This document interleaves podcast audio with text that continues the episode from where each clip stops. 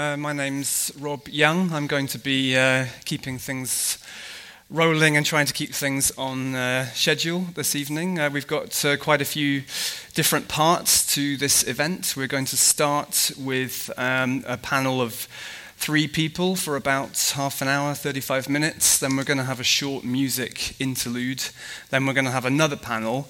And uh, if we're not completely running out of time, we might invite everyone on stage for a final interaction with you in the audience. So we'll see how we get on there. To be successful, you have to move fast and break things. It sounds like it could have been part of a manifesto from some uh, early 20th century avant garde movement like the Futurists or the, uh, some rogue Dada operatives in Zurich in 1916. Actually, that phrase was, was spoken by Mark Zuckerberg of Facebook. And that moving fast and breaking things uh, mentality we've seen creeping into what we now start to think of as populism, into the way economics works, the way uh, modern media, especially right wing media, works, about smashing through received ways of thinking and, uh, and disrupting before, you, before audiences really understand what's hit them. Sarah Palin, you might remember the great former governor of uh, Alaska and uh, one time vice presidential hopeful, described Donald Trump's presidential campaign. She said, uh, I think uh, Donald Trump's campaign has been a, essentially avant garde. Um, it's funny, but it's also, maybe she's right.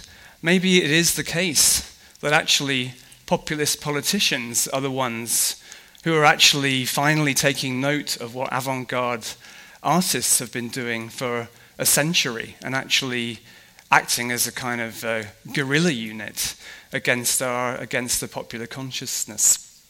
Anyway, I think this kind of idea perhaps is hovering in the background of some of the things and ideas that might come up in the course of this evening.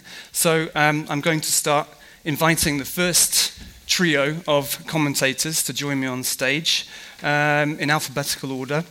Um, will you please welcome Beto Arcos? He is a journalist and uh, radio DJ who's based in Los Angeles.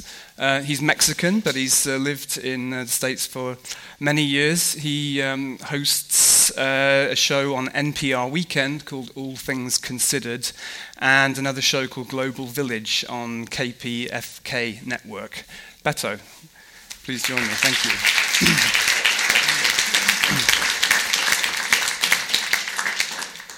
Uh, from Beirut, we have the uh, musician uh, and singer Yasmine Hamdan.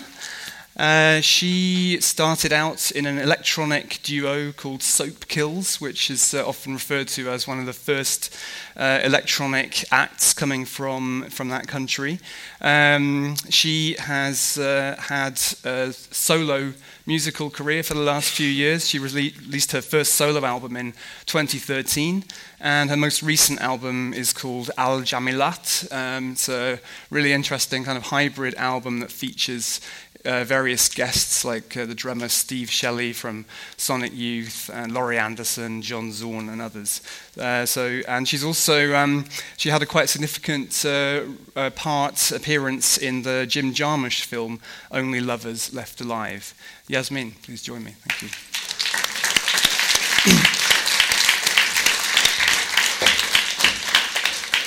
And taking the third seat, we welcome Tumi Molekane. Uh, he is uh, also known by his artist name Stogie T, uh, out of South Africa. Um, he uh, actually grew up in uh, Tanzania, where his uh, parents were living in exile, but was repatriated back to Soweto in 1992.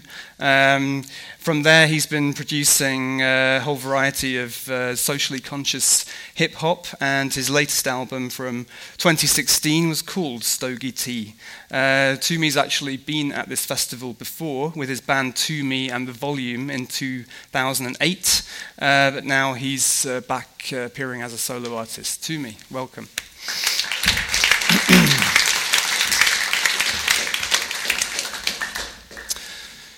Thanks very much to uh, to all of you. So, um, um, Yasmine, I'd actually like to start uh, with you if I can. Um, I was uh, yesterday also doing a, a, talk and talking to uh, a talk that involved two Palestinians, and uh, we were uh, talking a lot about um, the sense that for many countries in that region, while we in Western European countries like here often see the arts as a kind of a luxury. Um, often it feels like a necessity mm-hmm. coming from regions which have seen war in, in living memory. How does that seem to you? Um, yeah, I, I, at least I can talk about myself. Yeah. Uh, I had um, I had a very scattered childhood because of you know wars and things like that, and I think that it's also very challenging when you are a post-war generation uh, to find your your roots and your links and your like the familiarity with the like the place you you've lived in not so much but your country come from you're supposed to come from this place supposed to be your home. So for me it was uh, it was a way it was many things. It was one way to link to this place to this identity.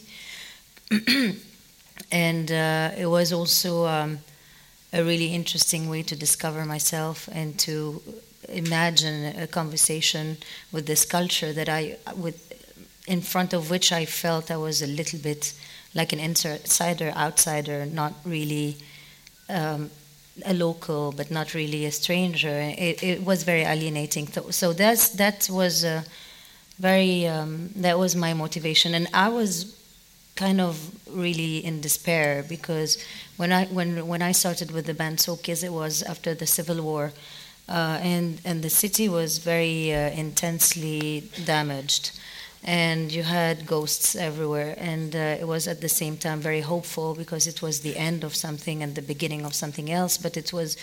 It was a lot of like anxiety and, and a lot of questions and a lot of anger. So I kind of made yeah it helped me to focus myself and to be able to be creative with all that like those mixed feelings uh, and to fight uh, also all sorts of things that I didn't like and to pick what I like and to keep around me all those things that inspire me really and and also as a woman I think it's it allowed me to yeah improvise in life uh, improvise a uh, style of life, improvise, a, like kind of cut with a tradition that I was not really interested in perpetuating. Hmm. And you're sort of, in terms of music, you know, you're working, I mean, I'm interested to know how you relate yourself in relation to some, you know, a, a term like avant-garde. I mean, what does that mean in, in Beirut where you come from, musically, for example, and uh, is that a useful term for you? Because you, you're kind of obviously sort of having a more sort of internationalist approach now, also in in the people you're working with and the way your career is moving. Yeah, you know, if if I want to be like honest, it's always nice to hear like. Um, nice words. But for me, avant-garde is like a really good compliment. But at the same time, you know, you don't think of yourself as like an exterior, exterior thing. You're you're just living what you are living, and uh, I don't. I'm just doing what I do because it's it's what I want to do, and and uh, I try to do. I, t- I try to create uh, encounters and I try to bridge to create bridges between different worlds and cultures I've, I love and I come from. And I, I, I kind of see art like an exper- experiment, more like an adventure than that than something like really where I'm comfortable in. It's there's always this tension between you don't know what's going to end up becoming, so that's really what's interesting for me, and uh, and and it's a space where you meet so many interesting people, so it makes your life like the quality life is so much higher, and and so that's what's really important for me. Um, and of course, you know, uh, the term, I mean, you meet a lot of people that you think of being avant-garde, and so that's that's just a label, but it's also it's. I, I think it's it means adventurous people, in a way. Because often there's a kind of some people there's a way of thinking about avant-garde There's some people who are very purist about it, aren't they? They sort of think, well, it, it, it's not supposed to even be commercial. You know, it's it's about harshness. It's about um, you know, like really Maybe. doing something Mm. that's never been done before. But how how realistic is that really in you know, in today's uh, climate? I don't know really. I don't care about um, box these kinds of like, uh, but but I think it's it can be many things. Maybe doing something, um, raising questions, uh, doing breaking some like some traditions or um, or like creating different pockets where things are proposed differently. That's how I see it, but a lot of avant-garde people became very famous, and I mean, I don't think that fame and and um, and being uh, experimental or adventurous or avant-garde is is, is comes in contradiction. Uh, of course, if you if it becomes a marketing tool, or if it becomes like a promotional tool, and it becomes you know it becomes like something that you uh, use or exploit, then then yeah, there is an ethical question that is raised, but you know it's not always the case. It, it really depends. Sure. Yeah. Beto, I wonder if I can ask you about um, if you you have any thoughts about, uh, or and if you're aware of anything where an artistic project has actually that, that's sort of coming out of the left field or the avant-garde has actually had a had a strong effect beyond beyond itself. In Yeah, um, about uh, seven years ago in, uh, in Mexico, in, in a city just south of Mexico City, in Cuernavaca, uh, a poet named Javier Sicilia um, had, had gone on a, on a trip to the Philippines uh, to do sort of a touring, uh, a tour of the country. And this is a poet that is sort of a mystic poet. Uh, he's, he wasn't really an activist, but while he was on tour in the Philippines, he got a call from his family, and um, it, uh, it was the news that his son had been killed. His son was 22 years old, and he essentially had been at the wrong place at the wrong time. Um, Javier Sicilia, the poet, decided to uh, to stop writing poetry when he heard the news that his son had been killed. He stopped writing uh, poetry because he felt that something had been taken out of his life. He came back to Mexico and he single-handedly organized the largest mass movement against the violence in Mexico. Um, this movement for justice and dignity. Um, and Javier Sicilia became the voice of Mexico. For two years, he crossed the country walking or by, with buses, and he stopped in every town where the violence had hit. And when I talk about the violence, I'm talking about the violence caused by every other criminal gang in the country that's been running amok basically for the last 15 to 20 years, but more uh, heavily in the last decade.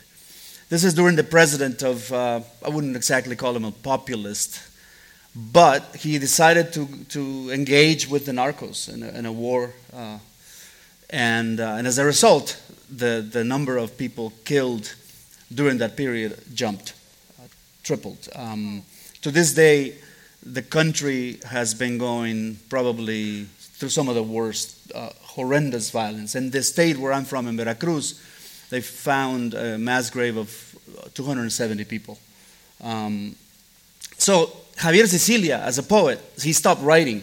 He read the last poem in front of an audience in his home in the city of Cuernavaca, and decided to do something about it. He just couldn't feel. He just couldn't, you know, stand there idle and not do anything about it.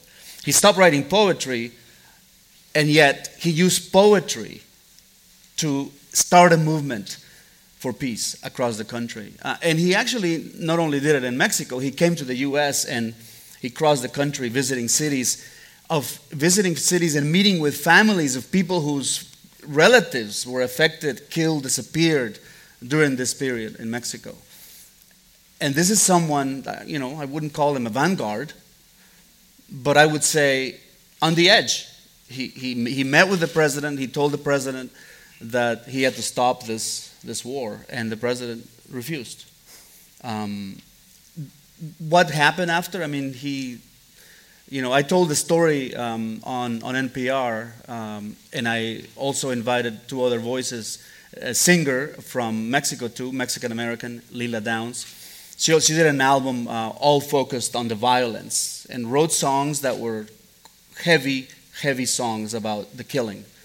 Um, and, uh, and I also uh, interviewed a, uh, a, performance artist from Mexico for, uh, to, to comment on, on what was happening.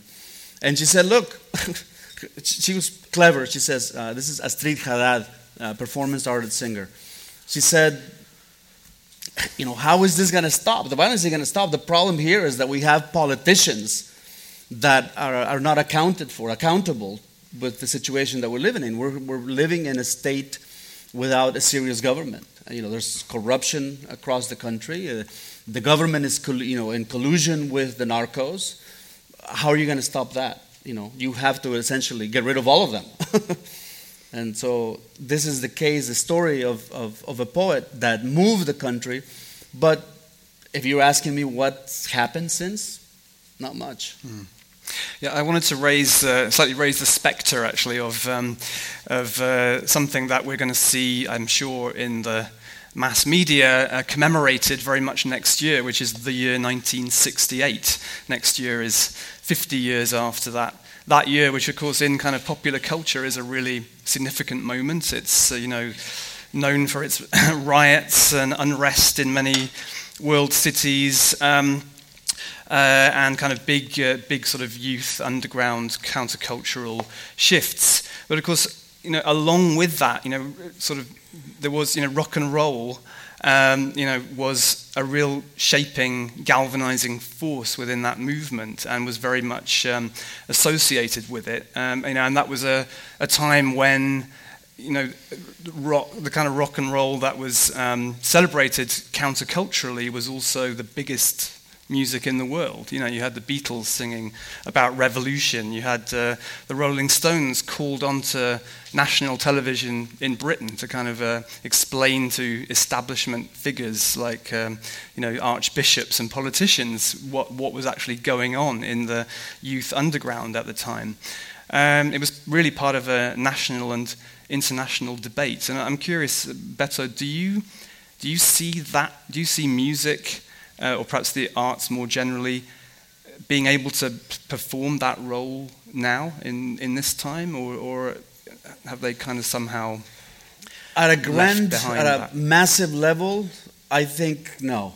Um, I, I think it's isolated. I think there are groups, and I think there are artists that are making statements and that are doing concerts and that are, influencing youth. Um, but I don't think I don't think that uh, I mean I think there's a need. I think there's an urgency to to to use art to cause that to you know just like it happened in the 60s you know in, in San Francisco like it happened in, uh, you know in, in uh, across the across the world and, and as you said in, in the UK um, but I don't think it's there. I think there are artists that are doing their own work, like them, like Yasmine Hamdan, like like like Stogie in, in South Africa. They help us to illuminate, to, to, to, to see the, the, the areas, as he, uh, he said earlier to me in an interview, he says, I, I try to find the gray areas that are not being talked about, addressed. At a grand level, at a, ma- at a massive level, I don't think it's happening. I just don't think uh, that, uh, and, and, I don't know why, frankly, because I, I think even with major figures like, you know, Bono or, or, you know super pop stars. I don't really think they're able to reach that level uh, anymore, uh, and I don't know why. well, to me, um, what, what, do you think about all this? I mean, um, I wanted to ask you. I want to just bring up the quote that's often brought up in the context of hip hop, the, the, the Chuck D Public Enemy thing, where he said, you know, rap is the CNN that black people never had in the states. I wonder if you, you know, does does does uh, does rap still have that function for you in some way? And, and can you put that into a South African context for us as well? I think I'd be offended if I was called the CNN of anything. Um, Yeah, that was that was that was that was a different time, right? uh, no, you know, I think, um, yeah, look, I- I, I think th- there's definitely a, um, a potential, you know, uh, but I think it's, it's you know, um, as Beto said, it's, it's always been kind of isolated. I think that, you know, your value system always kind of informs where the messaging goes, you know. Um, I can identify with a lot of what Yasmine said about, you know, being an ex, coming from exile and, you know, um, not quite knowing whether you are part, you, you're part, but you're apart, you know. Uh, um, and I, I, come, I come from a place that privileges the collective over the individual.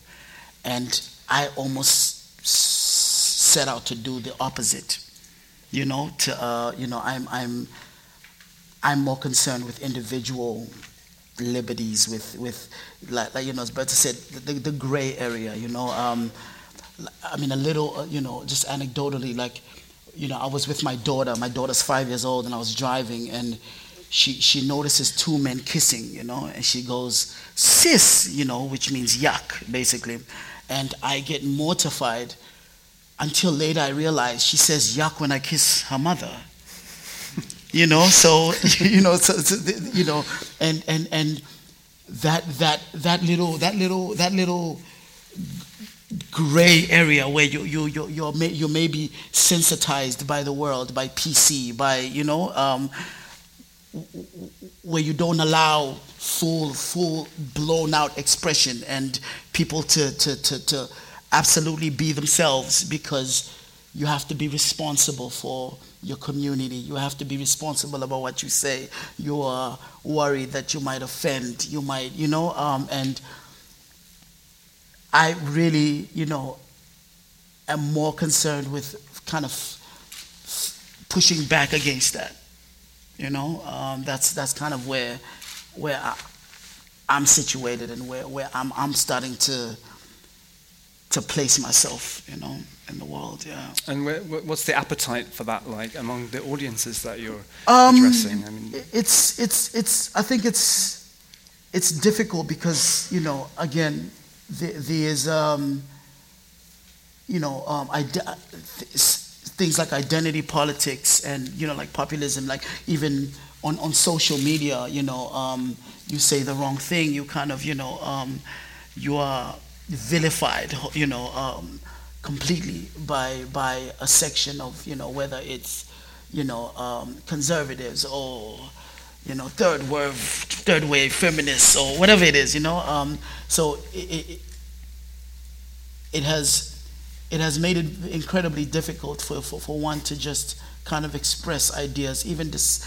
you know um, non- non-popular ideas you know um, and but I, I it's it's my lot so I, I it's fine it's like you know what I mean do you see what you're doing? Are you are you sort of like in the business of kind of outraging uh, opinions in a way? Is well, that- is no, that- no, I'm to- not. I'm not to trolling. No, no, I'm not trolling. I don't. I don't. I don't think. I. I, I, I, think though there is.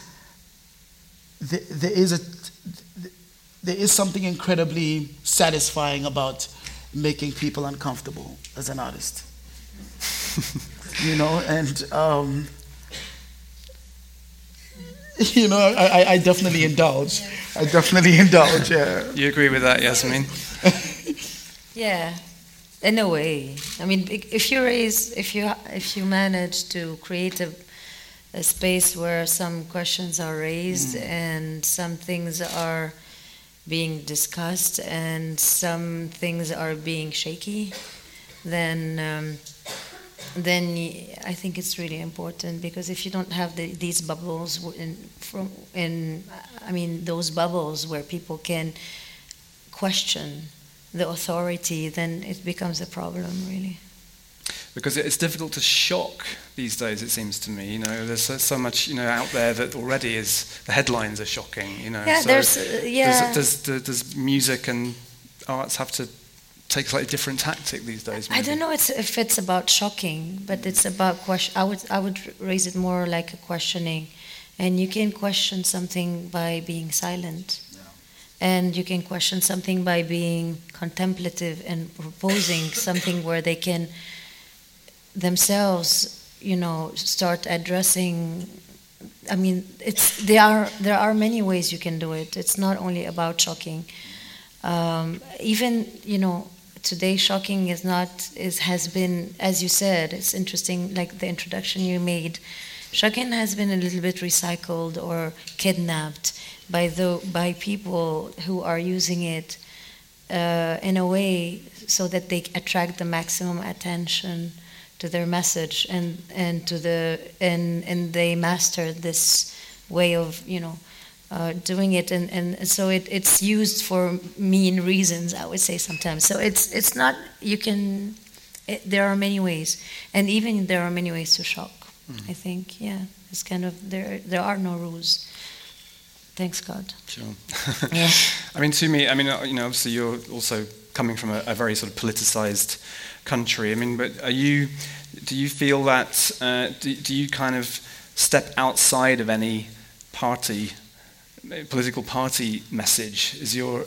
is it? Um, I mean, you, have you ever felt tempted to kind of uh, support?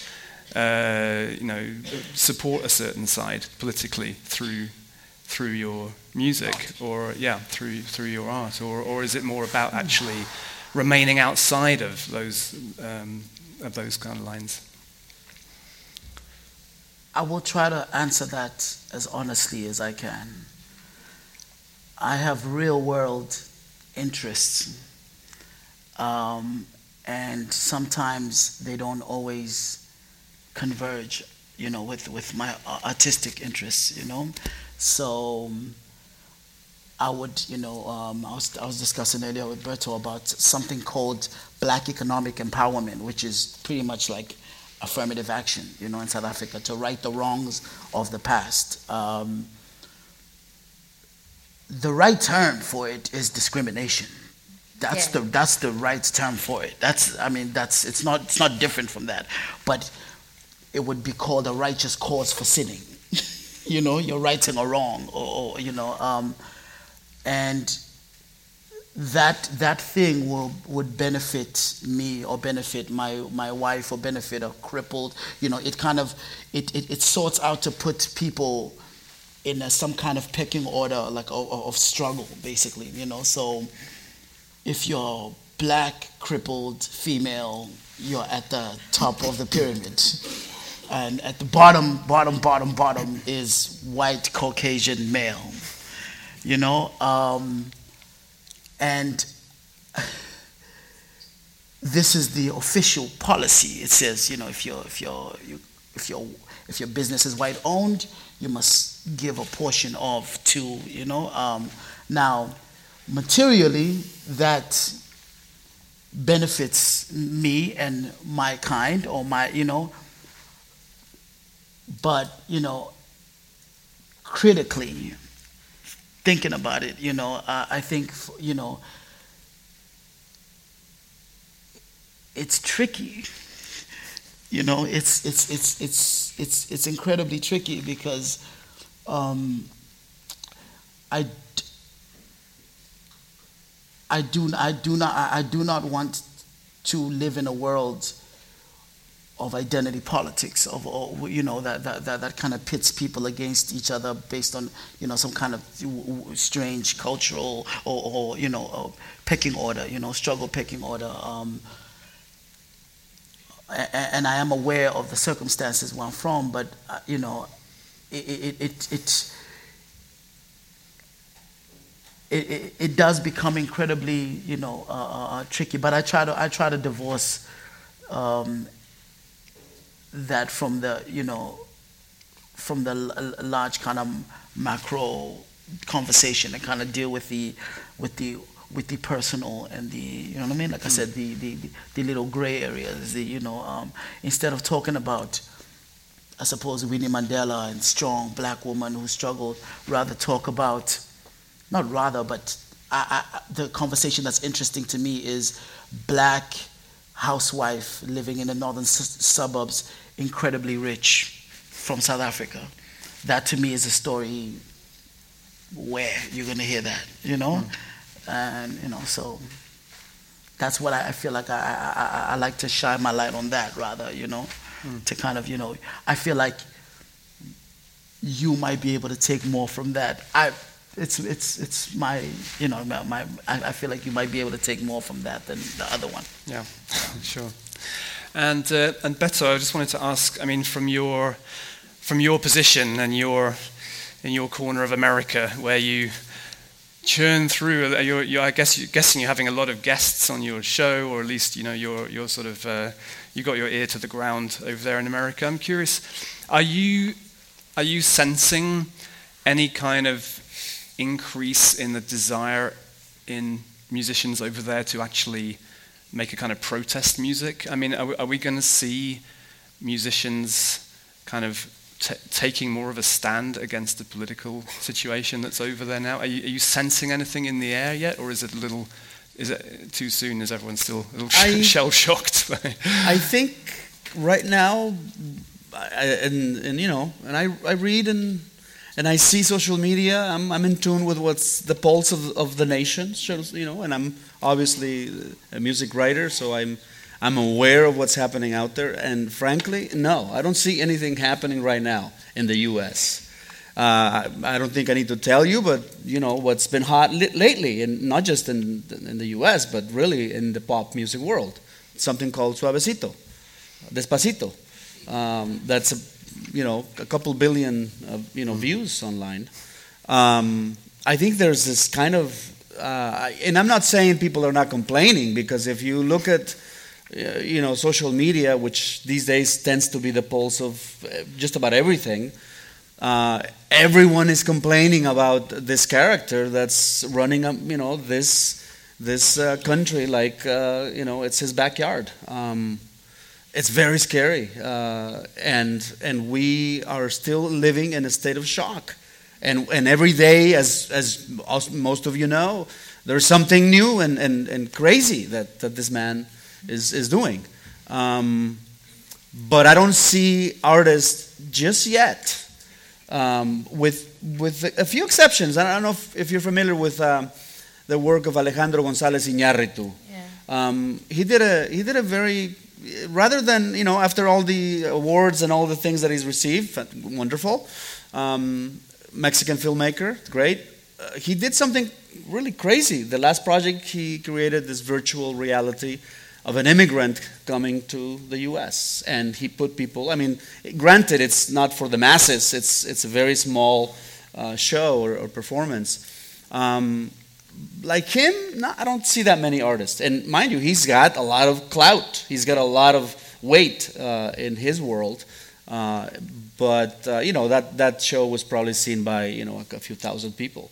Um, in the music world, um, I'm seeing bands and artists here and there actually creating uh, occasionally some video or some, but I don't see it at, at a large scale. Uh, you know, um, just yet. It's curious, isn't it? Yeah. But um, yeah. And I, I think it's probably because we're all waiting for this period to be over. I think there's a sense that, you know, pardon my French here, but I think the shit will stop sometime. And I hope, and we all hope that it's going to end soon because, you know, luckily it's four years. It's not six. In Mexico, it's six years. You don't know if it's for But yeah, we don't know if there's going to be a re-election and this man is going to continue. So, so maybe there's a sense of, oh, you know, we'll just put up with this for four years. Um, but I don't know. I, I, it's really hard to say at this point where the country is going. I, the fact is, a lot of people that may have voted for him, you notice I haven't even said his name. Um, the, the, many people that voted for, for this man, um, I think, are regretting it. And I'm sure their neighbors and their friends are telling them, "Why did you do this?" but artists, I you know, with with a few exceptions. Um, well, I, I'll, I'll mention once again an artist from Mexico, Mexican American, who doesn't have mass appeal, I, I would say, but she she draws uh, thousands in just about every city where she performs. Lila Downs, her last album uh, may come across as this sort of softy, you know, lovey album, but it's not. It's very political. And it's actually poking at, as she calls them, the haters uh, the people, uh, essentially Americans who don't like immigrants, uh, uh, Americans who, who do not like otherness, not just immigrants, otherness, because it could be Muslim, it could, be brown, it could be immigrant. Um, and her album is actually very, very strong, uh, arguably much more important than, than, the previous one, which was focused on the narcos, and it really was more about Mexico. This one actually goes back and forth with the U.S. and Mexico because she has that kind of double identity as a Mexican and an American. Um, you know, big bands. Uh, I really haven't seen much. I've seen a lot of just very light, uh, syrupy stuff. Uh, nothing heavy, nothing Dylan-esque. Mm. you know, in my world. Okay. Yeah. Well, thanks. Well, we'll we're all we're all rooting for you. And um, okay. Well, that's actually the end of the first session. Uh, we, we, we're on, on, a kind of schedule. We're, we're on, against the clock today.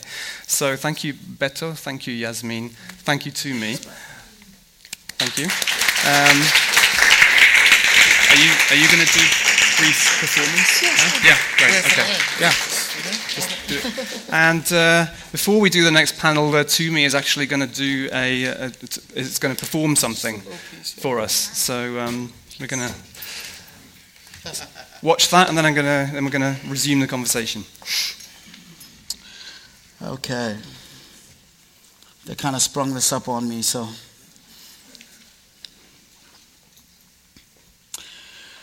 Welcome to the land of the free. Put your feet up in the passenger seat. I'll be chief driver the African dreams, vintage impalas running the streets. You might see violence when the lions feed. Keep quiet while inside the safari jeep. Snap your pics and ask me things. I tell you, one plus one equals capitalist. Fat cat shit, big five attractions. You don't even gotta leave your house for the action. Introducing the new improved. Hey, I'll coon for you in the Gucci suit. Ass backwards, upside down like bat shit. Well adjusted jackets, double breasted standards punctuated with a verse and stanza to the goddamn king of the jungle advances like and he's so no nonsense. Think about a Ichabod Crane and his horsemen. Head first off with it. They stay walking still, so the torso also get divorced in it.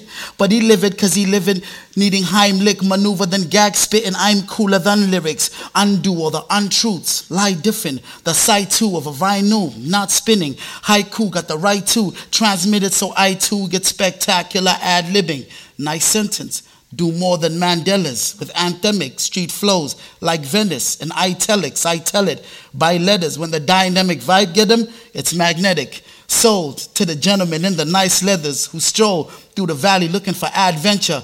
Old as ancestors taught through coded hand gestures, bad mannered and trancy gents. Bon voyage, capitaine. We've arrived where life began. I know it's exciting. I know it's that striking. Jungle boogie half pricing, something cool and like frightening. Take a tour through my nightmare. Celebrate it for the jig. Tap dance a little with your penny whistling. Bring your sister in. All the pain, make her sing like a hymn. Turn to verse 3. Let's begin with a baptism given to the half living. It's called death. Can't even hear a Cat Williams. There's no sense in snipping off a cat's whiskers. Grotesque, I still believe that y'all listen because we are all Nigerians, Ebola Liberians, Etoll not feeling it, big bombs like Syria, only peace talk, 9 milli up, the before and after feel like one, the beef song make the biggest star, it's thick broads over skinny ones, they strip off for the videos, it's free fall for the little ones, to be sure mean you really not, seesaw never hit the top, live for what the rich have got, dream on for the biggest slot, but still caught lick a shot. I sing songs and I preach a lot. My speech don't even reach the block. Thrill tourists liquored up, clitoris stimuli. I'm pretty sure I'm a dick lost trying to give a fuck.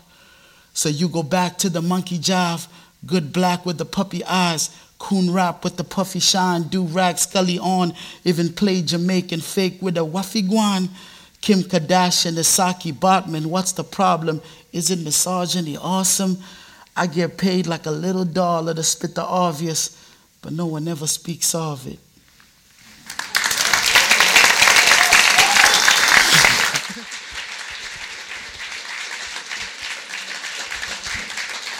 Hello.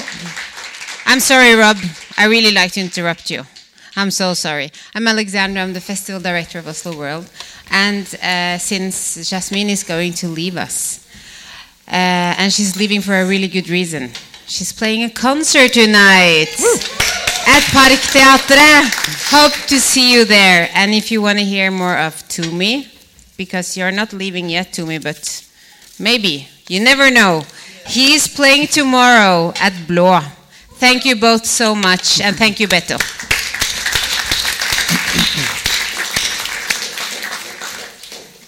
Okay, thank you, Alexandra. Thank you uh, Tumi. That was great. Um, okay, uh, on to the next session. Uh, for this one, we have um, Eddie Berg.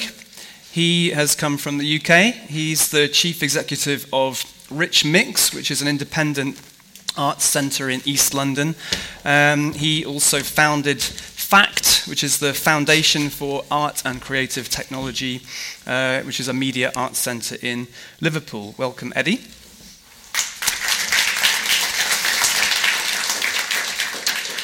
Also delighted to welcome Rossy de Palma. Uh, she comes from Spain and moved at an early age from Mallorca to Madrid. Uh, she was actually at the time in a punk band called Peor Imposible, which means the worst possible. Uh, but most of us here, I'm sure, will recognize her from her um, legendary roles in the films of Pedro Almodovar. Uh, going back to her leading role in uh, Women on the Verge of a Nervous Breakdown in 1988, and right up to his most recent film, Julieta, which came out last year. Um, we're delighted to welcome her to Oslo, where she's uh, performing at the festival her show called Traveling Lady, which is directed by the multimedia artist Jessica Mitrani. Um, and that's being performed tomorrow night. Um, she's come to Oslo under the banner of Love, Travel, and Resilience. Please welcome Rossy de Palma.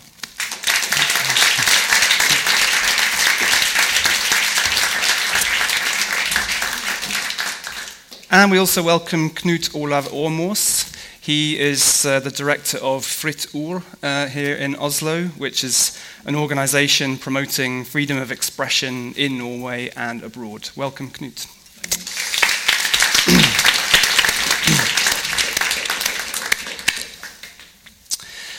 So, um, well, Knut, actually, I'd like to start uh, with you, um, if I can. Um, just uh, just to kick off, I mean, and to react to something in, uh, in the news today, you're obviously concerned with uh, issues around the limits of free speech. I'm curious to know if you do you think Donald Trump should be allowed to have his own Twitter account? uh, I think so. Uh, I um, uh, spent last week in, in uh, Washington and New York, and one of the most influential media bosses in the US told us, Remember, friends, a tweet is not an executive order. But, uh, well, it uh, shakes things up, but um, uh, I think we have to live with it. And I'll, uh, I'll give some reasons for that. Okay. So I'll continue. Yeah, why yes. not? Yeah. Good.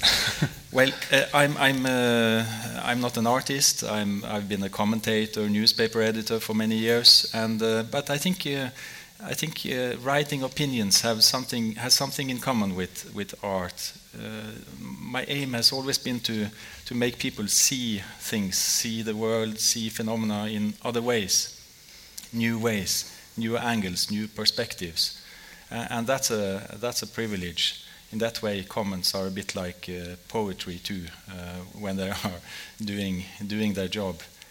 Um, but I think. Uh, um, I, will try to, in, in, during the next uh, next minutes, to, to, to, to take the role of a not a populist defender, but uh, I think I really think there should be some intelligent populist uh, artist or uh, thinker on, on, in this session too, uh, to avoid us making uh, the populists and, and their voters the other the other gang. Beto mentioned otherness, and I you are you are now in danger of uh, a sort of uh, entfremdung, uh, making making a sort of devilish picture of of the tens of millions of Americans who voted for Trump and did so for reasons they they they will defend.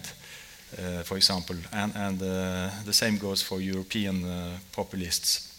And remember that populism is not really a uh, not really a uh, political ideology. It's more a sort of emotional mm, movement and force, and um, and it's an expression of real problems in politics and society. Uh, I think there is a sort of cleavage and rift between uh, elites of different kinds and, and ordinary people. And this reflects itself, uh, itself in, in the worlds of and spheres of art too. Uh, and I think it's so important that art doesn't confirm that distance or that empathy, empathy gap, but, but fills it and tries to, tries to combat it in, in uh, wise ways.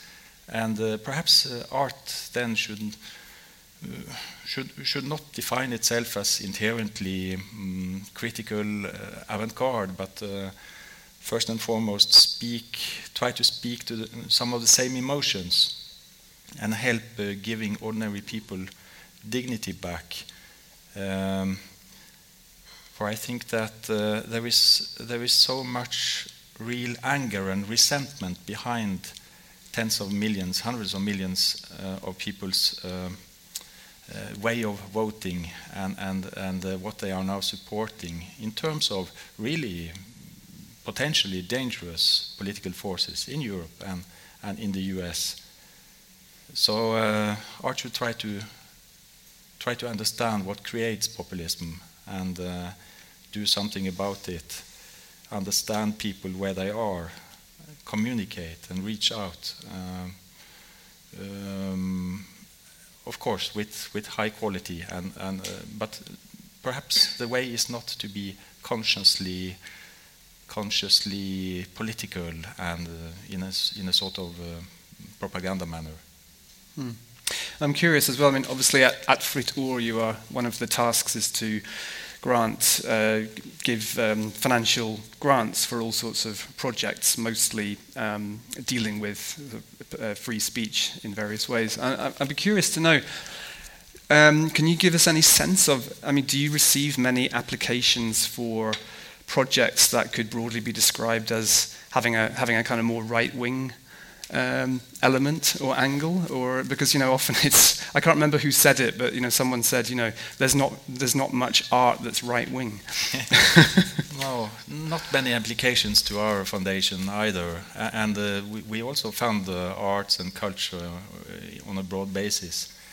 But there are so many projects from the center leftist side of politics, ideology, trying to understand. Um, migration uh, issues in our time, trying to understand and criticize the uh, increasing differences between people, uh, important topics, um, um, radical, radical projects in, a, in an old-fashioned way, but often with vague ideas of how to change something and how to influence and to move people.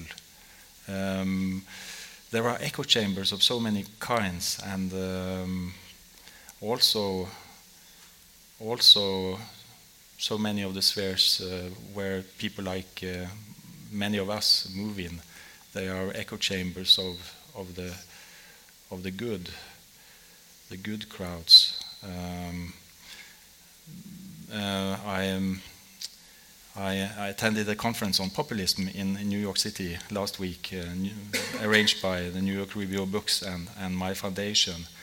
And uh, unfortunately, I, I, there were no populist politicians there. There were no really uh, right wing thinkers either. So, also that brilliant conference with two Nobel Peace, uh, uh, not Nobel Peace, Nobel, uh, Nobel laureates in economics uh, brilliant thinkers from the best universities in the world and from uh, the best uh, newspapers. it struck me that this was also an echo chamber, a, a, very intelligent echo chamber, and it gave lots of lots of new descriptions and new arguments to combat populism but uh, we didn't manage to to understand populism from from the inside, how it is felt. uh, and I, I, think I have a growing, growing feeling that that's so important. Also, if your aim is to to combat um, to combat all the forces uh, uh, which have as their consequences to uh, to make the distances between people even even bigger. Okay, thank you. Uh, Rossy, yeah. I would like to ask you do you feel that art is at its best when it's made by people who are in some way outsiders in society?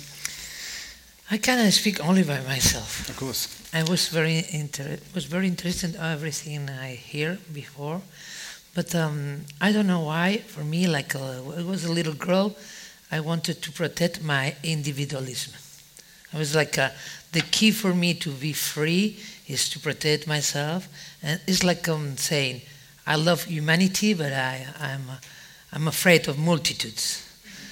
Because when the, a lot of people put together, even if a good cause, sometimes they're finished very, very wrong, in a wrong way, and doing, you know, you know what I mean, when a, a lot of people is together and get forces and energy, sometimes they take the wrong way and all together go. I, I don't know, I always say, for me, like an artist, um, keep myself always free inside, no? And I don't, I don't have to be agree with anybody. I have to more more that express myself always think about things and don't don't say very quick a word that can compromise myself let things uh, uh, how i can explain let things uh, digest things before emotions take you very far away and i think populism for example is so simple because people are fed up the elites, they think they are, they are manipulated by the elites and they are fed up, they have no rights, and then come a phantom, because it's always a phantom, like say, I'm gonna have you guys uh, follow me. And the people who is, they are fed up, they, have no illusions, they think, uh, and say, okay, I go with you wherever you go, even because they need to feel, they need to believe in something. Even this person is not going to go anywhere and you know you know but it's like a like a, did you see i don't want to speak about that the guy you speak i don't even want to name them even even the the, the big german who caused all this uh, Hitler is still having a lot of followers. if Hitler has an Instagram now, it's going to be like millions, like everybody happy with him. I mean, it's like a it's like MTV, for example. MTV, uh, you, you have a very radical band who has power and, uh, and a good message, social message, and blah blah blah. And MTV do a video and put it in TV. you, is the, the way to neutralize this, this, this band who has something to say, and then it's like the system absorbs you. About that, I, I remember that me, for me, like an artist, I never go with groups. I, I always say, okay, do what you want. I'm going to hear you. Or, for example, there is an artist now, an Italian one, that goes to the Fontana Trevi and puts some red mm, paint, like blood, in the Fontana Trevi. For what? For explain that corruption. And corruption and populism are like that, are married.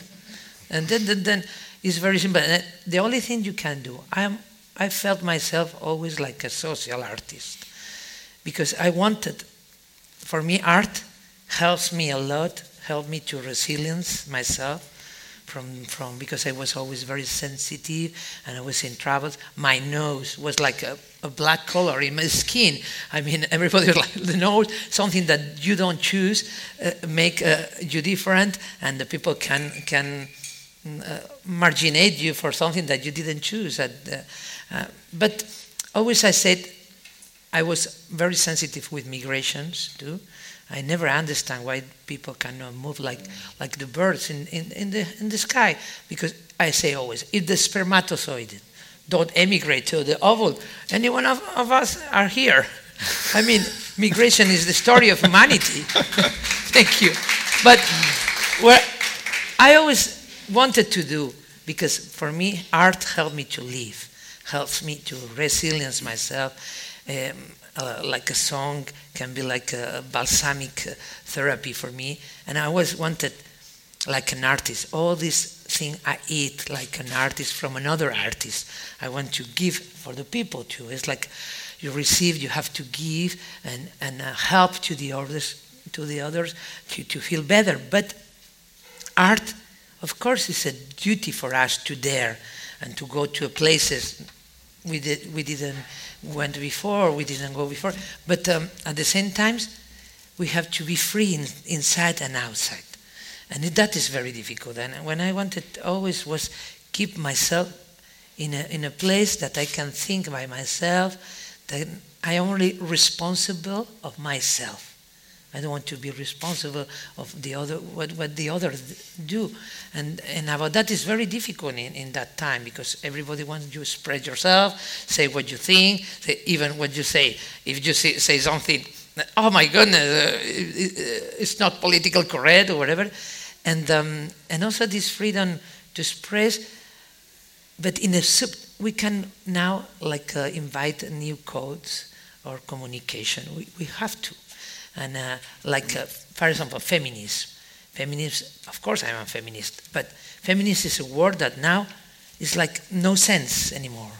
A lot of things we use we abuse of this word and now the, then we have to move to another word that can be bigger of, uh, of this one. And i perhaps for example i say better talk about sorority who is solidarity between women and uh, now it's another content, and we are fresh, and we can understand better than feminists. That a feminist, you, you know what I mean? We, we have to to move far away, invite things, invite words, invite another language, than um, because it's like artists. We are not here to provoke or to shock. If we provoke or shock, is is because somebody felt shocked. Not because we in the in the beginning i'm to do this to provoke and no no no. We did we do this because we feel it and we need it to express. And then if somebody feels provoked it has to to realize why. And, and it's a matter of reflection and think about it. About that art is great. I think everything is poetry. Everything is the mother of all of arts. Like I said, a painter do poetry with colors, a, a, a, musician with notes. You do poetry with your words and the way you explain your, your, yourself. And I need me like an artist. The only thing I guess I don't want to criticize criticize what the others I don't like do. Even the politicians, because the, the, the, the, the problem is all the people who want to be politicians, in the way to power, they corrupt. And we see again and again and again. It's so cyclic, and that is so. we feel upset because we don't have any. Uh, one of is not like Bob Marley.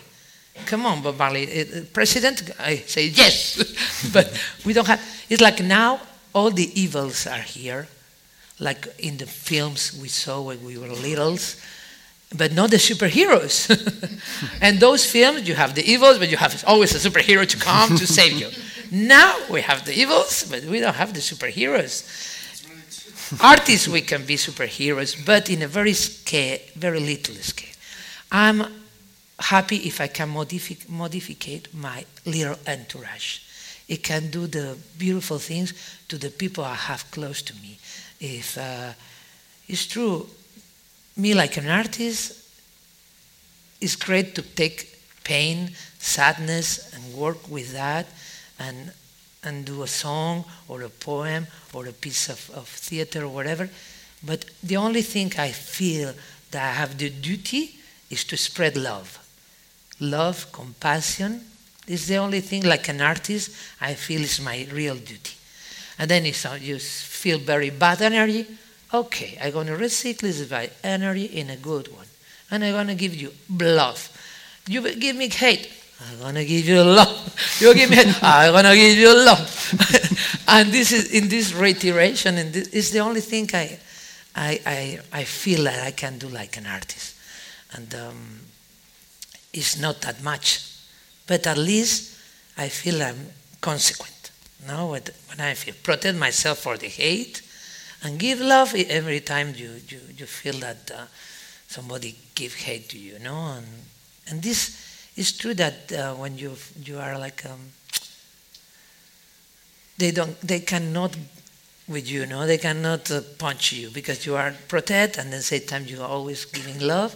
It's like um, a resonance, a vibration, and um, I feel it's a silent movement. Even we see the evil, all these bad things happen, there is another silent, another wave that is coming. I feel, I feel it that, and, and something that we have this power, we have these skills to do, to change reality in a good way, but um, perhaps we have to be low profile. You know what I mean? That is my the yeah. way I see it, the way I see things. Take the the, so the, the kind of the undercurrent is the more powerful yes. at this point. Yeah. Yes. Okay. Yeah. Thank you, um, Eddie. I'm, I'm, guessing Rich Mix is not screening so many superhero movies, being a, being a independent cinema. But um, um, could you? Um, well, it's, it's actually playing. Playing. You know, as a, there's a right-wing filmmaker talking about right-wing artists. Right-wing filmmaker called Matthew Vaughn, who who uh, I don't know whether anyone has seen Kingsman. Uh, there is, uh, which you know, because actually, film there is amongst filmmakers there are there are more people on the right, and just to pick up this point, if I may, just to kind of because I think this is interesting, there is that Knut made earlier about um, uh, about other kind of perspectives. You know that um, I'm sure you know that. Um, that uh, this kind of issue that uh, uh, that we've just been talking about in terms of the position of, of cultural elites in, in relation to populist agendas, where you know cult- cultural elites are seen as as part of uh, a significant part of the problem, um, and and um, for all the sort of uh, romantic framing maybe of what what artists do and what we all do, there is there is a real chasm between what uh, what what the rhetoric of uh, of cultural elites and the reality of a lot of people's lives. And so, obviously, in in the UK, that that chasm was ripped wide open with Brexit.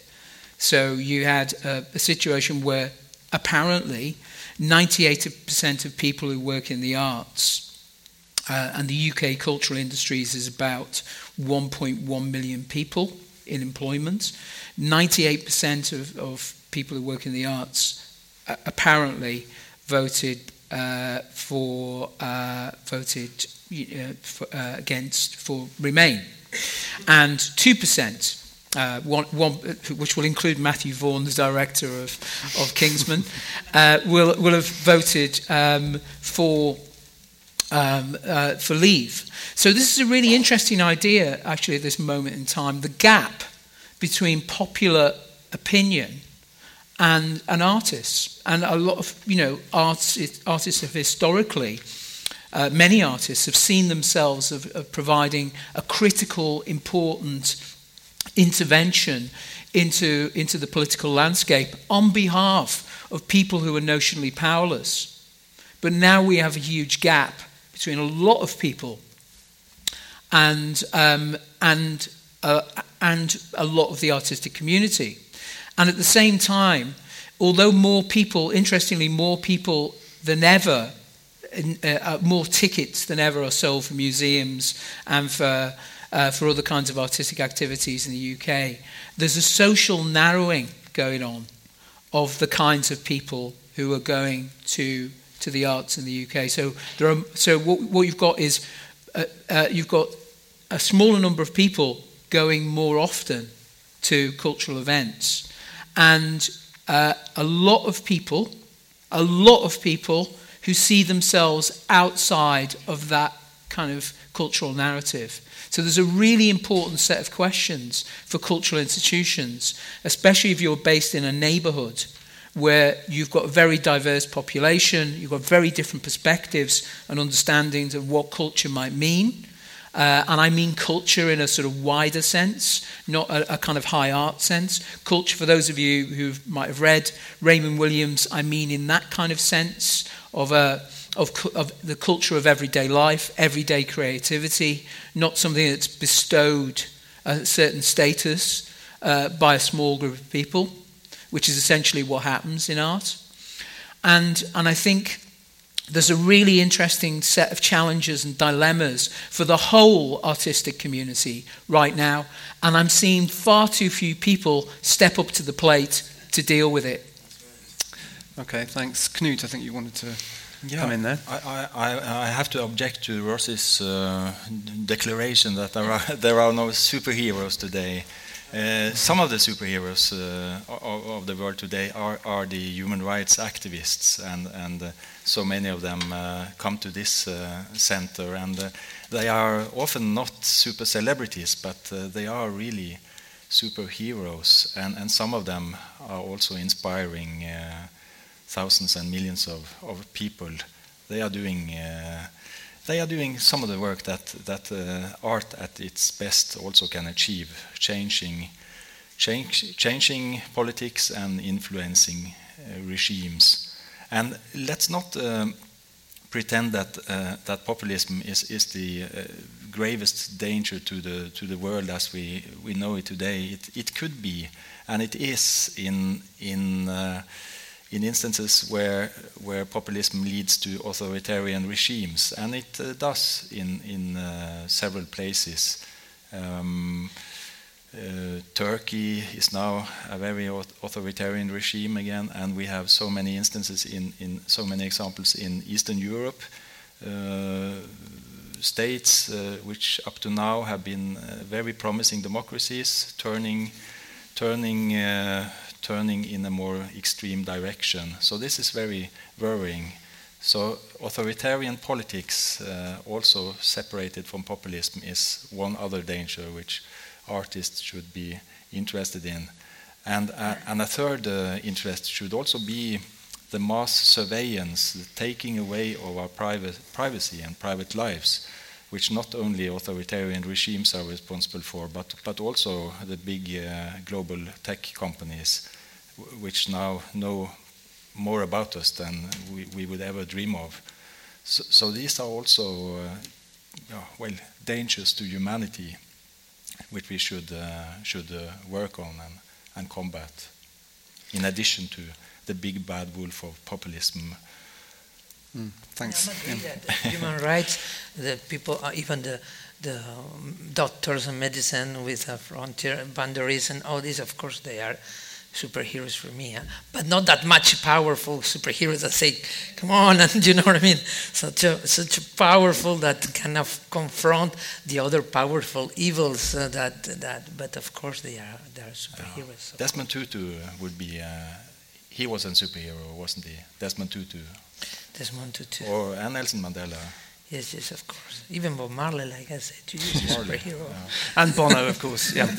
Um, but they're all men, by the way. No, there are a lot of women, women no. also. Malala. Malala. Malala. Malala. Malala. Malala. Yeah. Good one. A lot of yeah. women too. Of women. Absolutely.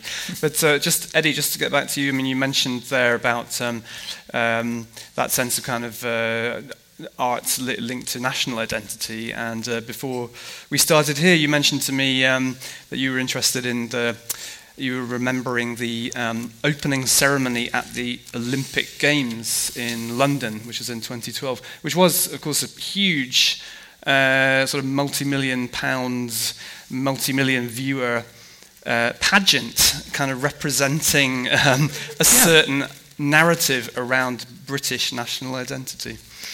Yeah, I think that's I think that's a really ex- interesting example of a political statement at scale. And I think, uh, okay, it has an 80 million pound budget, which is not your average art budget. Um, there is, is in Norway, but uh, yeah. in Norway, yeah, but that's just two. That's just two glasses of red wine in Norway.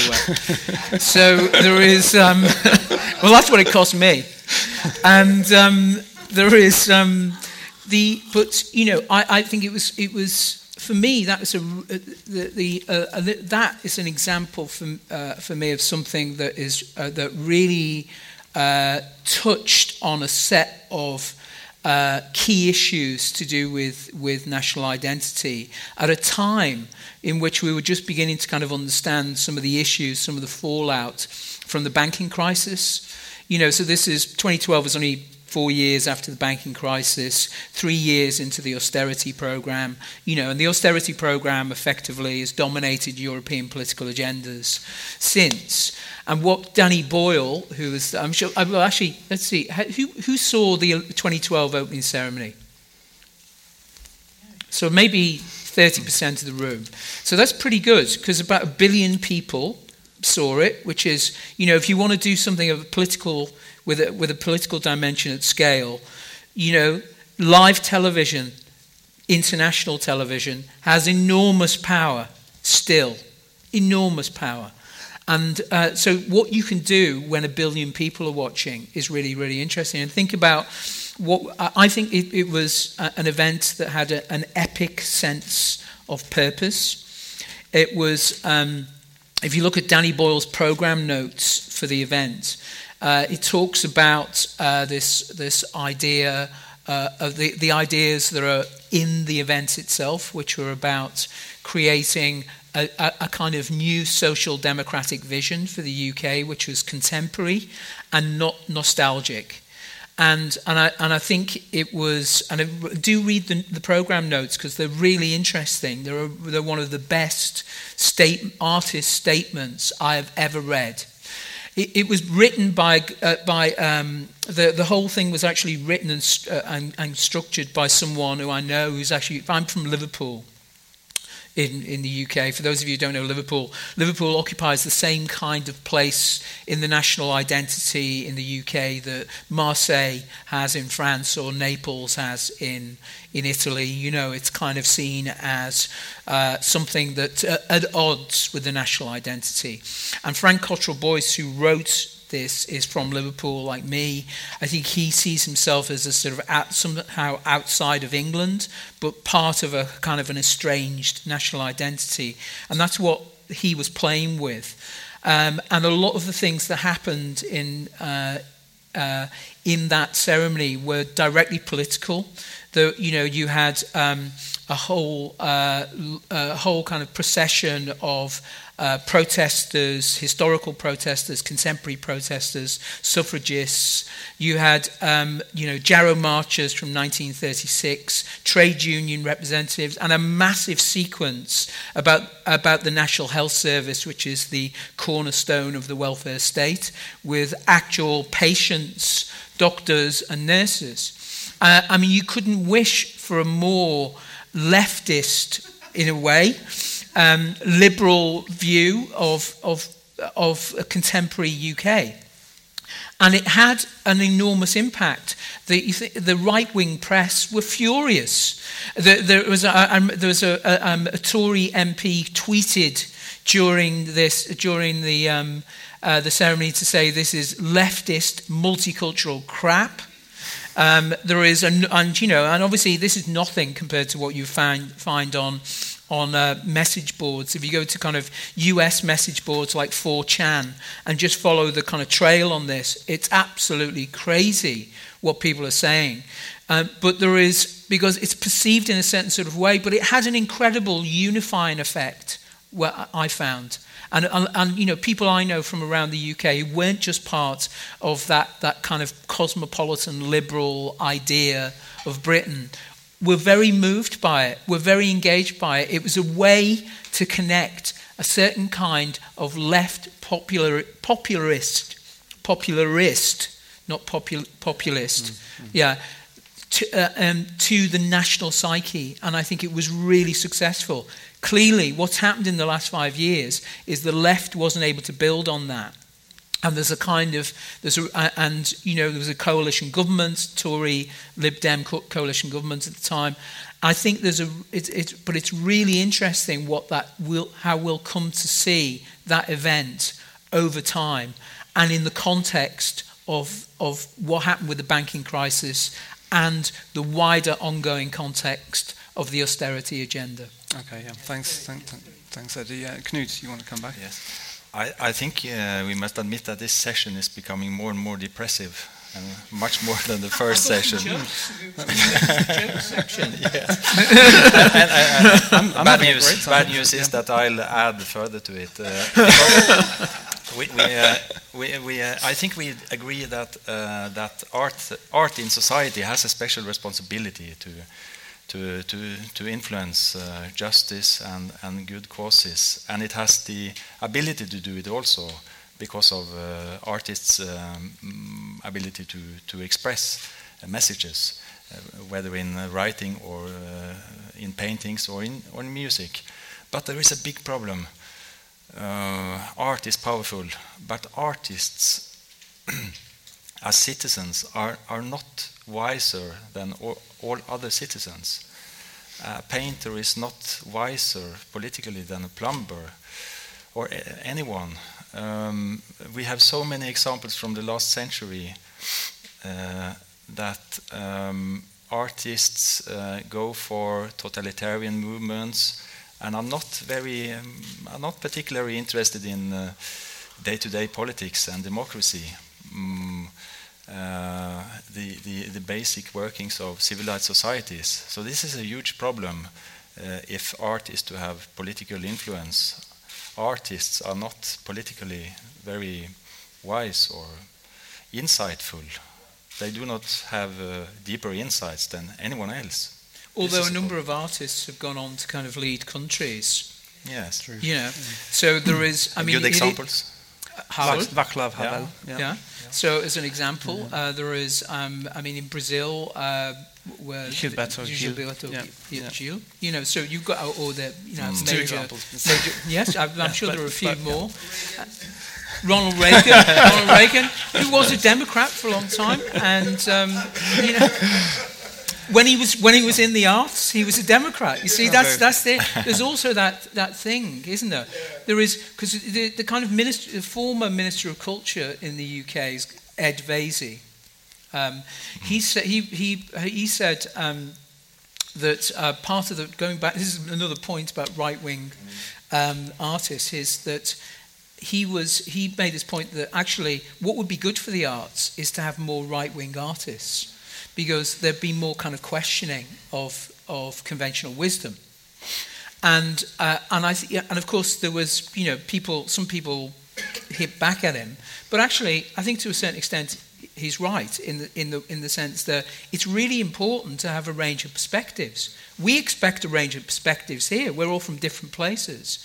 Uh, and, and we have a different perspective, which are all coloured by our, where we come from, how we, you know, how we, how we, you know, how we formed ourselves in the world, our kind of our background, and there is, and unfortunately, there are less, there's less variety of perspectives in, uh, in, uh, I, and, and you know, than we might want in the arts, and I think there's a, there's a really interesting set of challenges there. The other thing I would just say is that the, the last weekend I went to an example one of the few examples, just out of interest, I, by the way, I went uh, to uh, something called the Battle of Ideas.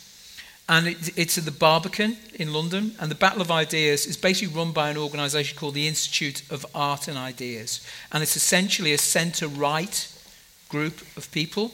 So they basically frame the whole agenda in terms of libertarian right kind of politics. The stands for Ayn Rand, you know, people like that as you go. So it's very different from, from a, going to your kind of standard cultural event. But cultural issues are discussed in that context. And it is challenging if you're from a, from a different kind of cultural political perspective to, to have, have the debate. But you also see the sense of the gap between the, the, the perception of cultural elites and a lot of people who, who do not see themselves as part of that agenda. And I, just to repeat that, I think that's a big part of what the culture of, of what artists and cultural organizations need to look at in the next few years is about that dialogue and conversation. Not, it's not about resistance, it's about a dialogue. We're not going to make any progress without any dialogue. Okay, yeah, thanks. Yeah, but it's true that artists, for example, I like the artists that they are not uh, officially with any politic. You know, I mean, your, your the thing you do like an artist is playing what you are like, in, in which political state you are, what you want to, to, to denounce or whatever. Because listen, Hillary, Hillary Clinton, all the artists uh, supporting her and, and, and uh, helping her, nothing happened. It's, uh, uh, it's true that uh, artists are like all these the other citizen, citizens, but it's better that your the things you do explain what you feel or what you more than is go and, and explain. And I'm in, in this uh, position or whatever. I think it's destroy your artist uh, uh, meaning uh, if you are. Going because you, it's, it's like a virus. You contagious. I don't want to go to the political state because if I feel they're gonna contagiate me, all these uh, they're gonna, gonna take this this sick uh, part of the political corruption and everything. It's, you are not anymore free. Because I wanted to ask you, Rossy. I mean, uh, Eddie was talking about art in relation to a sense of national unity. Mm-hmm. Obviously, in Spain right now, you you have your own problems, uh, and uh, you know, do you see? Do you do you have any? Does art? Will art have anything to say? I born in Mallorca. I born in Mallorca. okay. I, I, speak Catalan. Offshore. I speak Catalan. They have a pejorative word if you are from fathers, and your mother or your father are not from Catalans. They have a pejorative word. They say charnegos. Charnegos means that your father and your mother are not Catalan. I'm a charnega and I, I am very proud to be a Charnega. I mean, I'm, I'm very proud to be mixity, mixity. I have this, all this thing. But I always felt myself like, a, like a, I, I belong to the world. I don't. I only believe in gastronomic boundaries. it's only my, my only boundaries I believe. The, it's like religion. Human being, men's most more than women, invited religions. You know what I mean? Mm. And they invited. It's good when a, when a mus- Muslim uh, do the the, the um, uh, how you say the the prayer and this is Pray, praying. Yeah. Yes, it's like a tai chi. you feel very good. You are in another uh, mental st- state. You are like meditation. You feel better. This is good. The tai chi is very good too. I pl- I do the tai chi great. Mental, like meditation, like David Lynch, my friend. That's mm. the, my, the mental. All this is very good, but don't, but don't believe in, in first degree in religion. In religion, because you invited, it's an invasion. You created. It's not real, and that separates a lot of people. Religion, and also it's the same. It's the same thing with uh, nationalism. What's mean to be nationalism? You feel it's a feeling it's a feeling about that is very hard to, to stop. But if you feel that you are different to other, you feel superior. You feel superior. You, you want to protect your culture, but at the same time, it, you are saying that the other culture is not that good enough like yours. You know what I mean? I feel, I feel nationalism is like a, like a sickness, something's not good. I don't think. I, I, I born in this earth. Nobody of us came from Mars. We are here, we are here, and we are the same. I, I, I about that I don't don't don't like religions because separate people and, and make them believe something that is not real. It's like a Catholic, the the Virgin gets pregnant because uh, something happened. What what kind? It's so stupid. And um, and and the boundaries are the same. All these scars in the in the earth because all these boundaries that we create are about blood, wars. Uh, like in Spain, Spain has Ceuta and Melilla, who is, is, is, is Morocco, and they have, it's mine. The other, French, France have the Antilles. It's mine. It's not yours. It's another. And they, it's, it's um, such a perverse things. You know what I mean? That like colonialism and a lot of things that perpetuate my sons are half black, and my my my uh, the father of my sons are from the French Antilles. My son and my daughter, uh, his their names are Jean Charles. Jean Charles is not a, a name, a family name. It's a it's a, um, a lead name. Why? Because the negrier, the slaver, called their slaves Juan Carlos. They are my slaves. There's the Pierre, the Juan, Jean Charles, every uh, with the name. and my my kids still having this name because France uh, government didn't change all, the, all that. They never think about what the fuck they are calling like the name of the of the of the slaver. I mean, mm, it's important to know, but the most important thing about all that is education. Is the kids in the school help them to, to have this. An artist, we have we have the duty to to wake up always that to have don't sleep, don't uh, wake up uh, and and see lucidity, how the reality really is is is not mm, hide behind boundaries that who cares? Who cares? Who put the, you are human. You are the same as the other who is in another side of the, the, the river. I don't know, but is my is my point of view, and and I I feel free to feel to to to, to think like that, no? Yeah, and I, so you are still. That's great. Thank you. Yeah, it's, uh, and I'm sensing here that you know, in, in, in a climate where populist politics is actually increasingly about creating divisions in society, I think some of what's coming off this stage today seems to be that maybe the aim of sort of radical arts is increasingly perhaps about some kind of uni- unifying. Um, uh, movement, which is sort of uh, an interesting way to go down. Um, are we going to do the last thing, or are we out of time? Have we got Oh, time? We're going time. to. We were going to, in, the, in that spirit of, of unity, we were going to just finish up by getting uh, Beto and Tumi just back on stage briefly, and just uh, if any of you out there want to make any uh, comments, ask any questions, or deliver any complaints, then now is your opportunity. Uh, so, slide that off there. Sit there. I can just hover on the sidelines for this one. So, uh, anyone out there want to uh, raise their hand? Yes, at the back.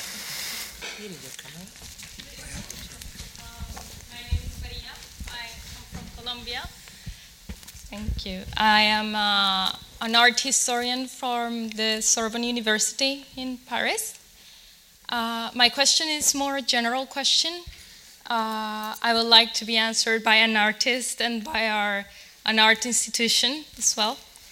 Uh, I was there in France when we had the two attacks directly to arts. One, Charlie Hebdo, to a comic uh, newspaper, and the other one to music in the Bataclan uh, theater.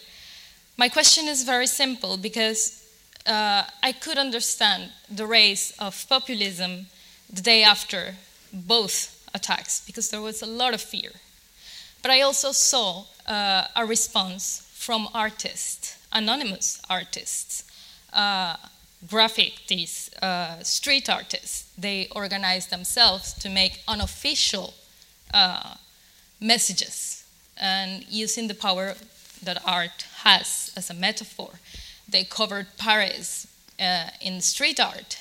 And I have been following in the US, for example, the New Yorker that has been doing comic about Trump, and they have been very, very engaged. So, my question for an artist that is in this milieu uh, of discussion, of strategy, how do you organize yourself? Maybe not in a direct and official way, like can be Oslo World, where we have a debate and it's in the program and it has the title, but more underground. And and what is the position about that for art institutions? Thank you. Okay, long question there. Anyone? Anyone want to come back to that?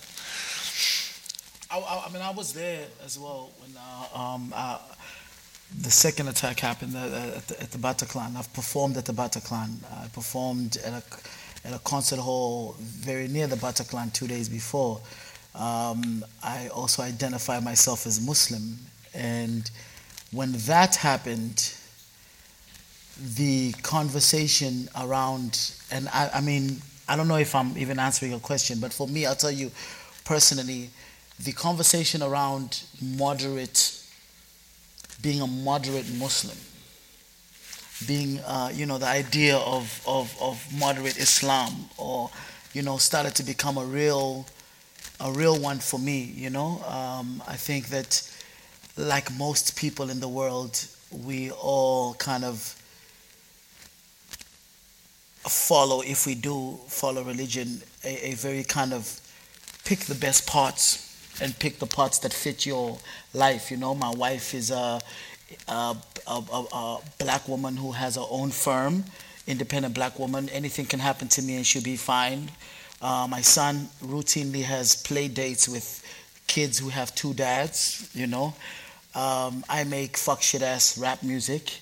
Um, so everything about my life and you know me call, me saying okay Islam everything about my life in some really wonderful places in the world that call themselves Muslim states would not be permitted you know? Um, and it, it, it I, I, you know I don't know about um, you know performing and, and you know like in, in, in direct protest to things like that but for me it just kind of made the conversation around a, a kind of moderate Islam very um, urgent. Thank you. Charlie Hebdo, it's true that humor is a great weapon too to fight uh, a lot of things, but it's true that this is uh, so huge that we cannot even understand.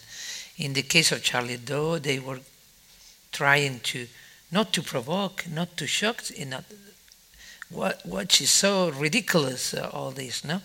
But um, for example, Donald Trump, all of this meme that you receive in your iPhones, I'm have a contradiction with this kind of humor because while we are entertaining our ha ha ha ha, the other are, you know what I mean, taking all the places and um, sometimes. Uh, mm, criticize humor with this acidity of uh, Charlie Hebdo was great, but uh, we have to be careful. But we forget to, to talk about Bansky, for example.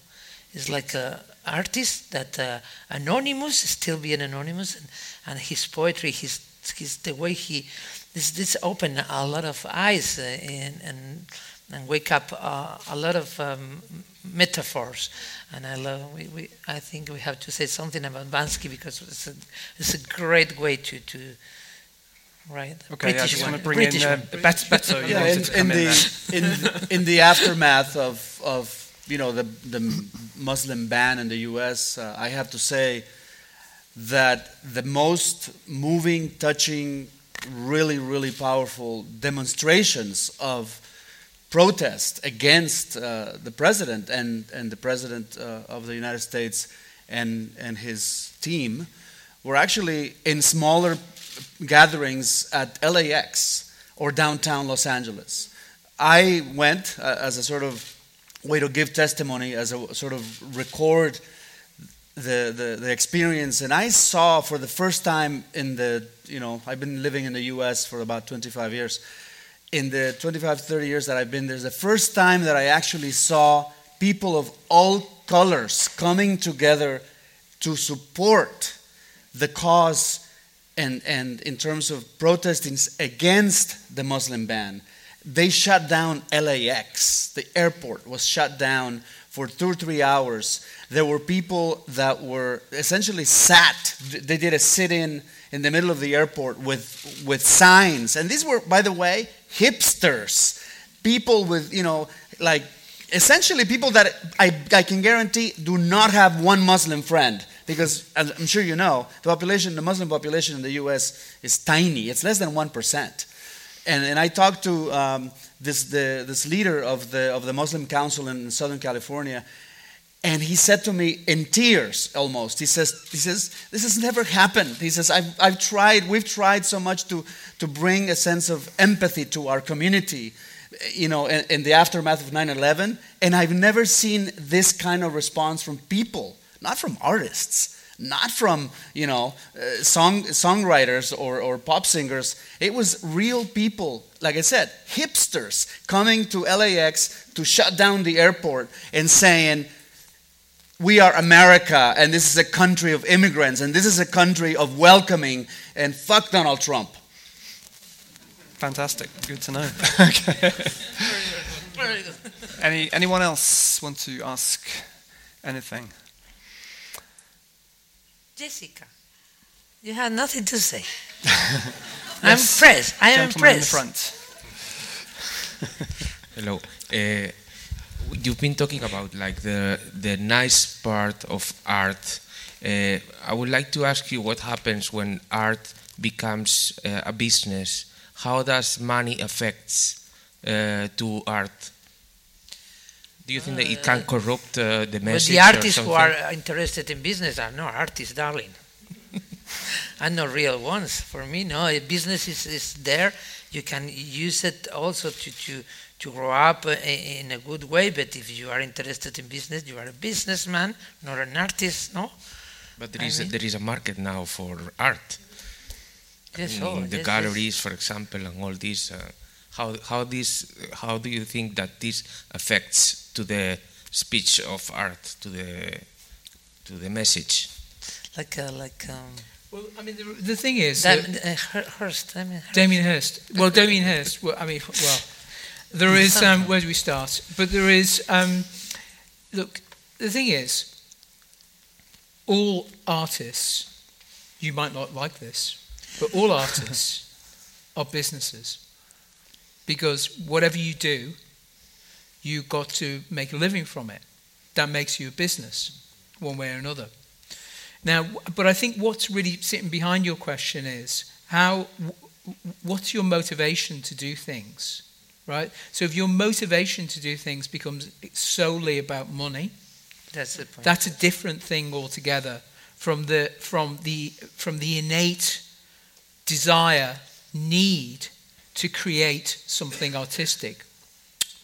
And of course, there hasn't been a point in artistic history where money has not played a role in terms of m- uh, moving the dial one way or another between around the idea of motivations. I am motivated to make this work because I cannot live another day without making this work. I am motivated to make this work because someone is paying me 80 million pounds, which is two glasses of red wine in Norway. and I know, and I'm desperate for two glasses of red wine. so I think this is a kind of a this is just an endless conundrum. I mean, you know, there is one of the things that I think that has been kind of fascinating about uh, when, when you know going back to this sort of idea of the avant-garde and when when Lou Reed died, uh, I kind of you know I, I I did it was one of those occasions where occasionally you look around at what happens around the life of someone. You know, like when Bowie died or whatever. yeah. Yeah. You look at the you look at the like you look what people are saying. You do do stuff and you think about where, where it's come from. Now, I was too young to understand anything about you know when when the Velvet first Velvet Underground record came out and its impact on the world. And its impact on the world wasn't immediate. It happened in a, in a very small circle, but it, but it, it, but you know, it's a kind of you listen to that record, and it's a kind of thing that could have been made any time since. It feels like it's got that kind of that that's some. It feels like it was ahead of its time, vanguard. It feels like avant-garde. When the term avant-garde actually meant something closer to its original meaning, French meaning, right? So, I, but the fact is, you when you look around, there there is. Uh, when I was looking around, I picked, I looked at this thing which was about some YouTube comments about um, uh, about an Andy Warhol film. And the reason why I did that is because I just I got onto looking at an Andy Warhol film that I'd never seen before through looking at something about Lou Reed. And what I found fascinating about it is, and it reminded me that Warhol was one of those artists who did both things for money, but he mostly did things for himself. And one of those examples was, and I can't remember the name of the film exactly, but it was uh, This Is Me Eating My First Hamburger, I think it's called, something like that. And, um, and then the comments are, This is shit. This is just someone eating a hamburger. well, you know, okay, in, that context, in the context in which he made it, it was absolutely radical because it was li- literally just him eating a hamburger and he was suspending all of the kind of stuff around the idea of what art might be. And, and I think he, the fact is, he was an, exa- an example of a business with an incredible brand who was always, always entirely motivated to be an artist. But he also had to be a business. It's a very long answer to your question. Thank you, Eddie. Anyone else want to make a comment? Yes, Knut. I think uh, only very limited parts of art uh, have a commercial potential, and it's not a big danger to to art uh, in society. Uh, what is a bigger bigger uh, danger is uh, the threats of fundamentalism and extremism in different different forms, religious fundamentalism not least.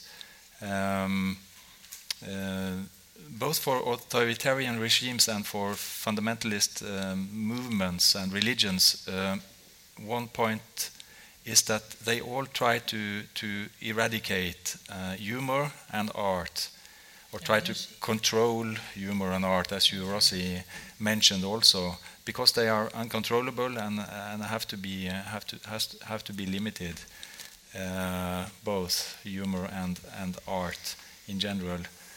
And, and it works. Threats work. Uh, intimidations, uh, they, they, they, they, they have results. We have seen so much of this last 10 or 12 years, uh, uh along with the cartoon controversy, the Muhammad cartoons, that uh, the threats uh, really work. The violence works.